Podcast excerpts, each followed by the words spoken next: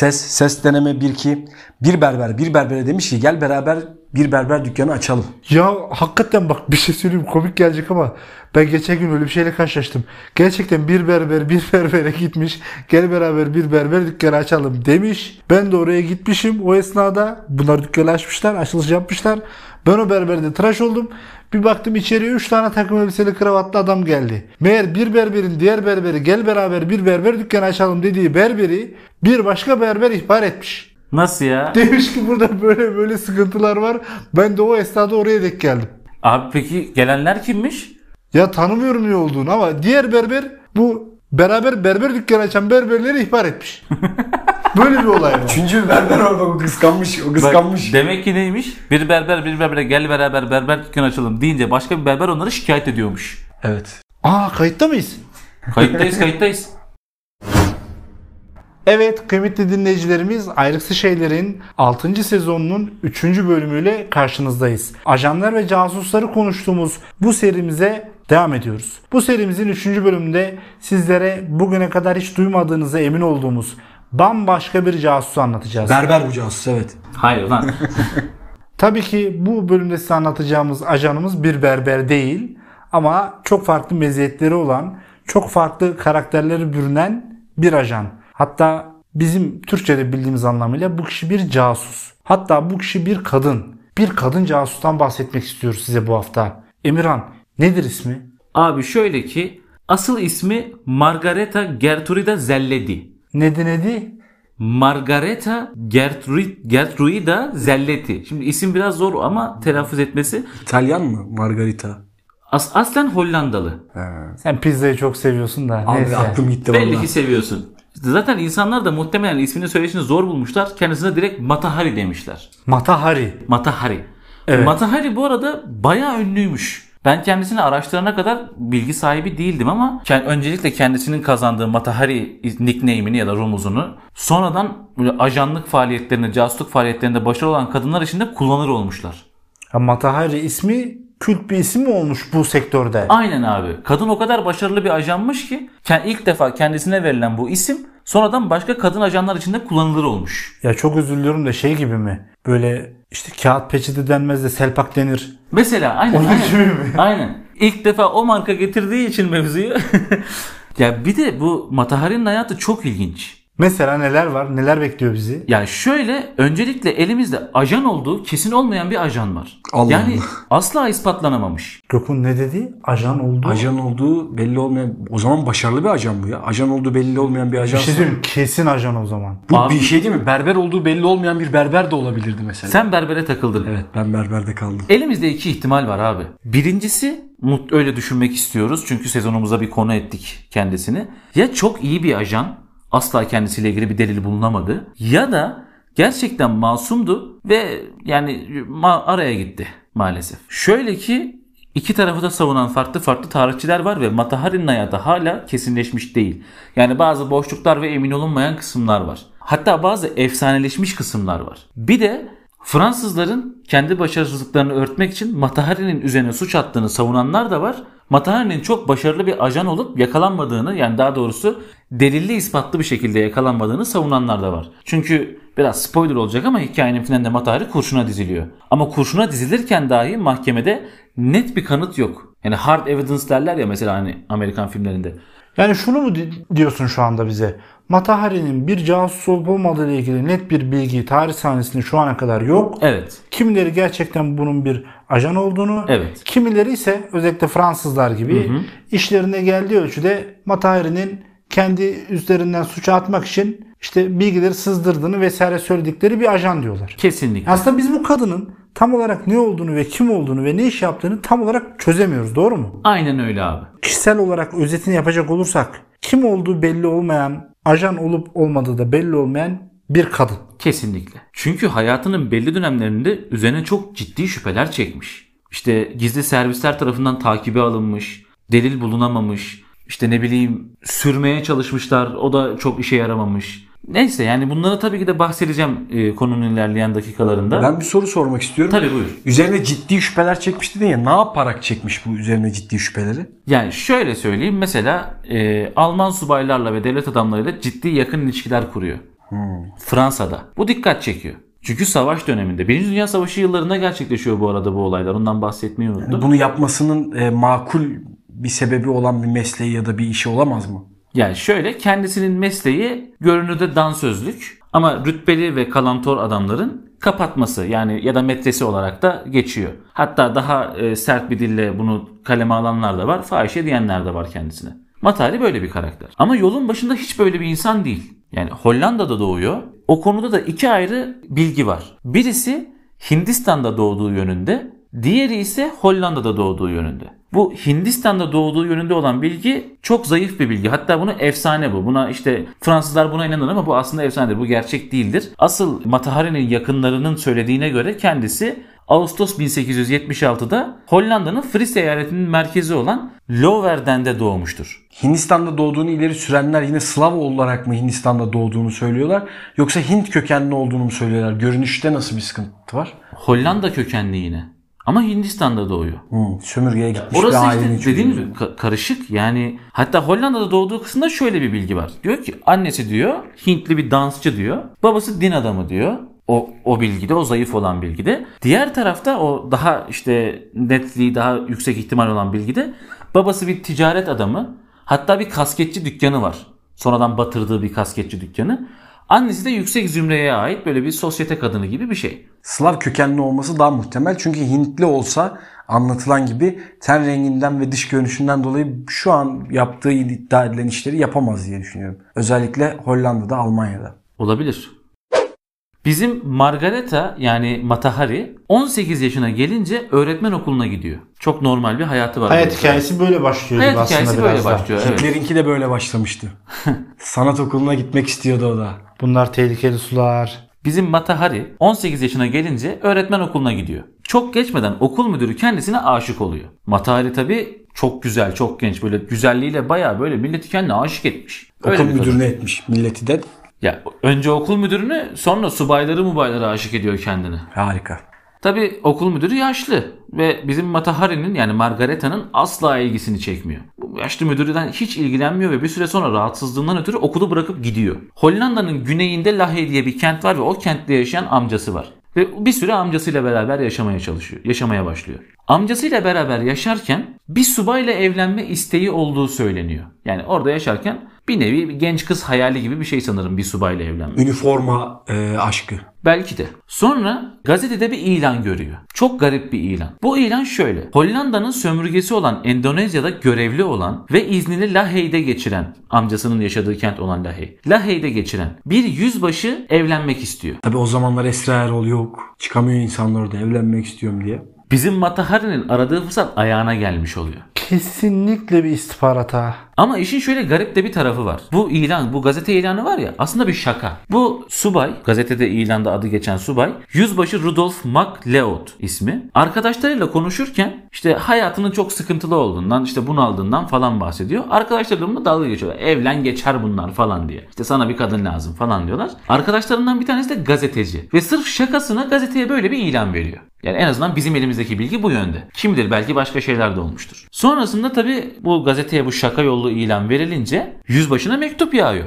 Genç kızlardan böyle bir 10-15 tane mektup aldığı söyleniyor. Ama bu mektuplardan sadece bir tanesi bizim yüzbaşının ilgisini çekiyor. O da bizim Matahari'nin mektubu. Sebebi de şu. Bizim Matahari mektubun içerisinde bir tane de fotoğrafını koyuyor. Ve yüzbaşı o fotoğrafı görünce belli ki etkilenmiş. Bir tek o fotoğraf koymuş olabilir mi? Belki de bilemeyiz. O fotoğrafı da gördükten sonra yüzbaşı bir buluşma, bir görüşme ayarlanıyor. Ve ilk görüşmeleri 24 Mart 1895'te Amsterdam'da gerçekleşiyor. Ve bu iki gencin birbirini görür görmez aşık olduğu söyleniyor. Tabi bilemeyiz orada değildik. Dediğim gibi bunlar hep dedikodu. Aynı yılın 11 Temmuz'unda hemen evleniyorlar ve 30 Ocak 1896'da Norman adını verdikleri bir oğulları oluyor. 1 Mayıs 1897'de de Rudolf'la Margareta Rudolf bizim yüzbaşı, Margareta da Matahari. Takip edemeyenler olabilir. Prinsesse Aurela gemisiyle, isimli bir gemiyle Java'ya hareket ediyorlar. İşte buradan sonra ortalık karışıyor. Çünkü şu ana kadar her şey çok normal. Her şey çok normal. Evet. Yuva yani bile kurmuş ya. Ya bir şey Evet, yok evet. şu ana kadar yani. Çocuk bile yapmışlar ya. Geleceği olan bir subayla evleniyor, yuva kuruyor, çocuk yapıyor. Bundan sonraki hayatı First Lady yani bu kadının. Muhtemelen. Burada ama olaylar çok karışıyor. Bir anda karışıyor. Bir tane de kızları oluyor bu çiftin. Sonra kısa bir süre sonra bu Norman ismini verdikleri oğulları zehirlenerek ölüyor. Ama neyden zehirlendi, nasıl öldü, biri mi öldürdü, doğal yollarla mı gerçekleşti? Böyle bir bilgi yok. Sonra bu müşterek hayat cehenneme dönüyor. Ve 1902 yılında Hollanda'ya dönüyorlar ve hemen boşanıyorlar. Yani bu çift ayrılıyor. Ortada bir suçlama var o zaman. Muhtemelen kocası bunu suçluyor ya da o bunu suçluyor. Olabilir. Olabilir mümkün. Tabi boşanmanın üzerine Rudolf, yüzbaşı Rudolf bizim Greta'ya yani Matahari'ye 100 florin nafaka veriyor. Şimdi o dönemin 100 florini acaba ne kadar ediyor onu bilemiyorum. Şu anın 100 lirası değildir diye düşünüyorum. Daha fazla ediyordur ama bu 100 florin bizim Matahari'ye yetmiyor. Çünkü bu hani yaşadığı sıkıntıların acısını çıkartırcasına harcıyor. Hani biraz eğlenceye kaptırıyor kendisini. Muhtemelen acılarını bastırmak istiyor. Tabi dolayısıyla para yetmiyor. Ve Matahari o noktada bir karar alıyor. Diyor ki Paris'e gidiyor ve diyor ki bundan sonra diyor benim hayatım diyor aşk ve dans etmekten ibaret olacak diyor. Böyle bir karar alıyor. Lükse bak. Evet. Ama insan bir imrenmiyor değil abi. Tabii. Lüks o yüzden. 13 Mart 1905'te Matahari, Guimet Müzesi'nde düzenlenen seçkin bir davette Hintlerin mukaddes danslarını canlandırıyor. Gösterinin sonunda vecde gelip bayılması üzerine aslında çok takdir edilen dansı herkesi tesir etmiş oluyor. Yani artık o finalde nasıl bir hareket yaptıysa insanlar erimişler orada. Yani Matahari'den bayağı bir etkilenmişler. Tam bu noktada bir soru sormak istiyorum. Tabi buyur. Bu Hint dansını çok iyi yaptığını söyledin ya. Acaba bu nereli olduğu ve nerede doğduğu ile ilgili rivayetlerin doğru olma ihtimali var mı? Nereden biliyor Hint dansını? Aha. Şimdi konunun başına da söylediğim gibi iki ihtimal var. Birisi Hindistan'da doğmuş, annesinin dansçı olması ihtimali. Diğeri ise Hollanda'da doğmuş, annesinin bir yüksek zümreye ait adeta sosyete kokoş bir kadın olması ihtimali. Yakınları, Matahari'nin yakınları bu Hollanda'da doğmuş olması bilgisini destekliyorlar. Ama hangisinin doğru olduğu maalesef net değil. Dansı nereden bildiği de net değil. Dansı nereden bildiği de net değil maalesef. Yıl oluyor 1912. Fransa'da ortalık karışık. Vatanseverlik böyle neredeyse bir mezhep haline gelmiş. Ortalık çok karışmış. Adeta ortalık 56. Herkes her yerde casus görür gibi oluyor. Böyle bir panik havası var. Aman sen casus musun? Senin bıyığın çok uzun falan. Hani böyle gergin herkes. Ortalık karışık. Fuat abi herkes çok gergin. Bu bakımdan casusluk ve istihbarat işleriyle uğraşan ikinci şube Matahari'yi gözaltına alarak Harbiye nezaretinde adına bir dosya açıyor. Dikkatli müşahitler Matahari'nin Guimet Müzesi'nde az önce anlattığım o Guimet Müzesi'ndeki ilk dans ettiği sırada Alman sefiri Prens Radoli'nin kendisine fazla iltifatta bulunduğunu gözden kaçırmamışlar. Hani demin demiştim ya üzerine şüphe çekiyor Matahari diye. Çektiği şüphelerden ilki bu. Alman sefiri kendisine çok yakınlık gösteriyor o ilk dans akşamında. Aynı zamanda bale üstadı casus Sarokko ile sıkı fıkı olduğu biliniyor. Şimdi adam casus ve bale üstadı belli ki casus olduğu da biliniyor. Ve Matahari'nin yine bu adamla bir yakınlığı var. Yine üzerine şüphe çekiyor.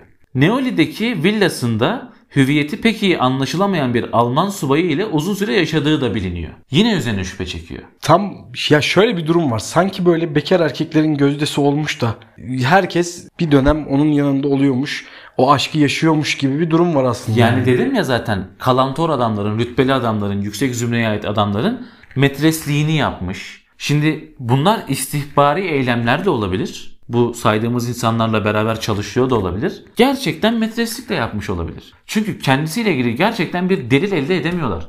Yalnızca şüpheler ve suçlamalar var. Her neyse. 2 Eylül ile 2 Kasım 1916 tarihleri arası şüpheleri üzerine toplayan bu genç kadının genç havacılarla düşüp kalktığı da tespit ediliyor. Fakat aleyhine en ufak bir delil elde etmek mümkün değil. Asla bir şey bulamıyorlar. Bu durumda Matahari'nin sınır dışı edilmesi kararlaştırılıyor. Çünkü ciddi bir tehlike olarak görüyorlar. Diyorlar ki en temizi bunun bu kadından kurtulmak. Sınır dışı etmeye karar veriyorlar. Matahari bu emir üzerine derin bir hayrete düşerek Fransa'ya bağlı olduğunu söylüyor. İkili oynuyor olabilir. Gerçekten Fransa'ya bağlı da olabilir. Ajanlık görevinden kopmak istemiyor da olabilir. Hatta bu iddiasını ispatlamak için çok samimi olduğu Alman veliahtı Brunswick Dugas'ından bir hayli bilgi edinerek Fransızlara aktarabileceğini ileri sürüyor. Yani Fransızlara diyor ki ben sizin casusluk yaparım.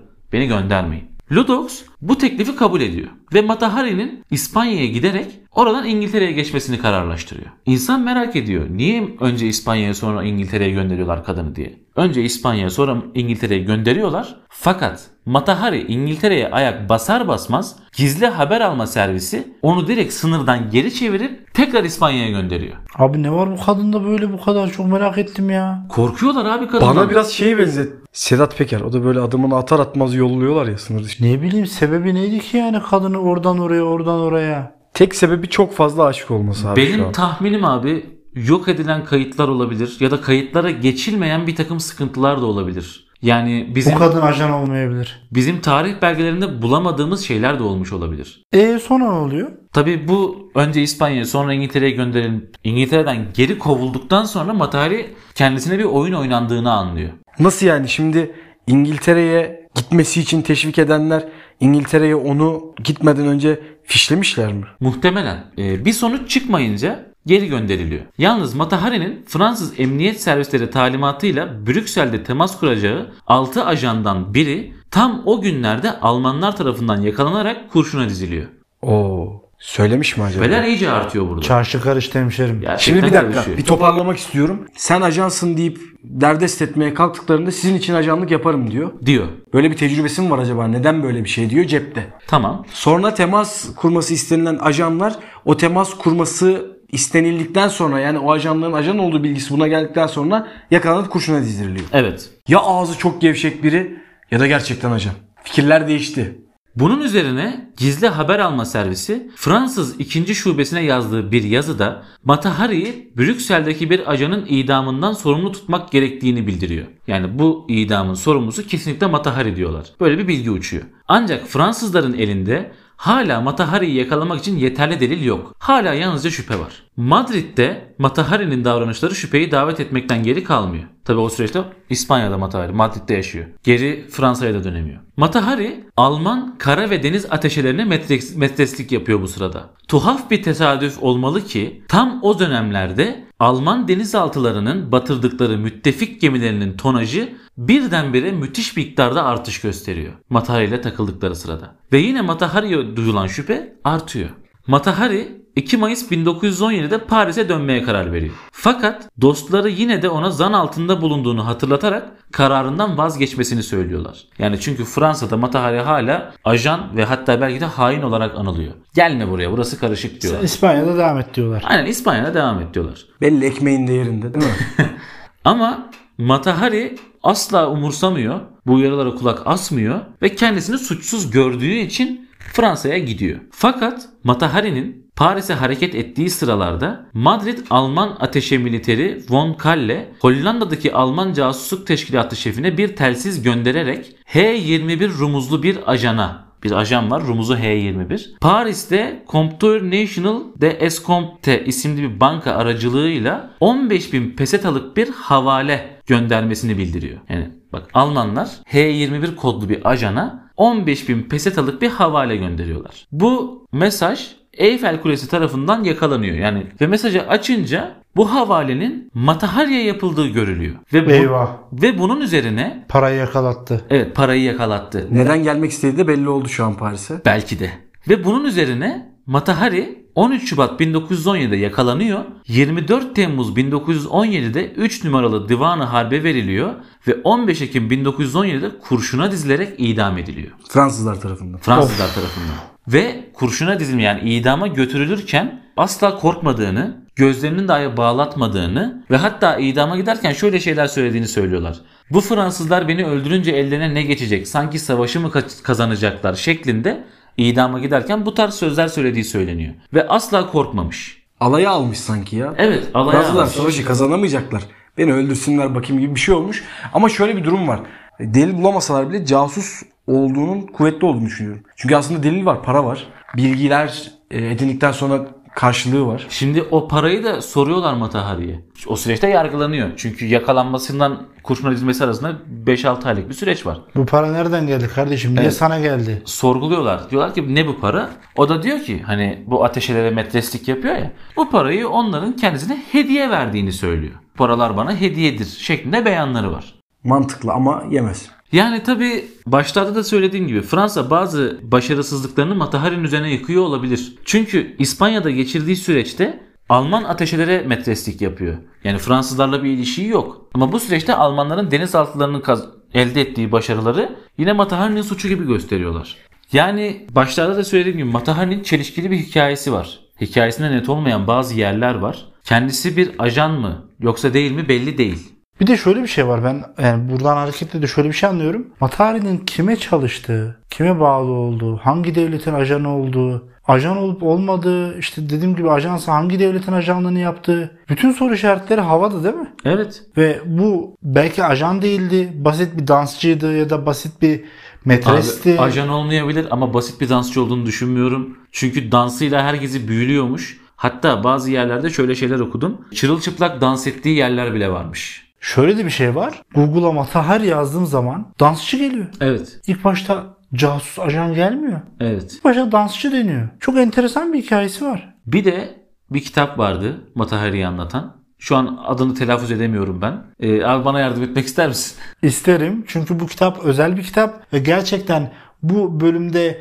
Emirhan'ın dile getirdiği gibi Matahari'nin bir casus mu yoksa profesyonel bir dansçı ya da profesyonel bir metres mi olduğu hususunda çelişkileri barındıran bir kitap. Özellikle bu kitapta Matahari'nin ölümden önce avukatıyla yaptığı yazışmalardan hareketle bir kurgu var. Kitap Paulo Coelho'nun Casus isimli kitabı. Bu kitapta da bu hususlara değiniliyor ama sonuç olarak gene Matahari'nin gerçekten casus mu, dansçı mı, metres mi, bir fahişe mi ne olduğuna dair kesin bir bilgimiz yok. Doğru mu Emran? Doğru abi.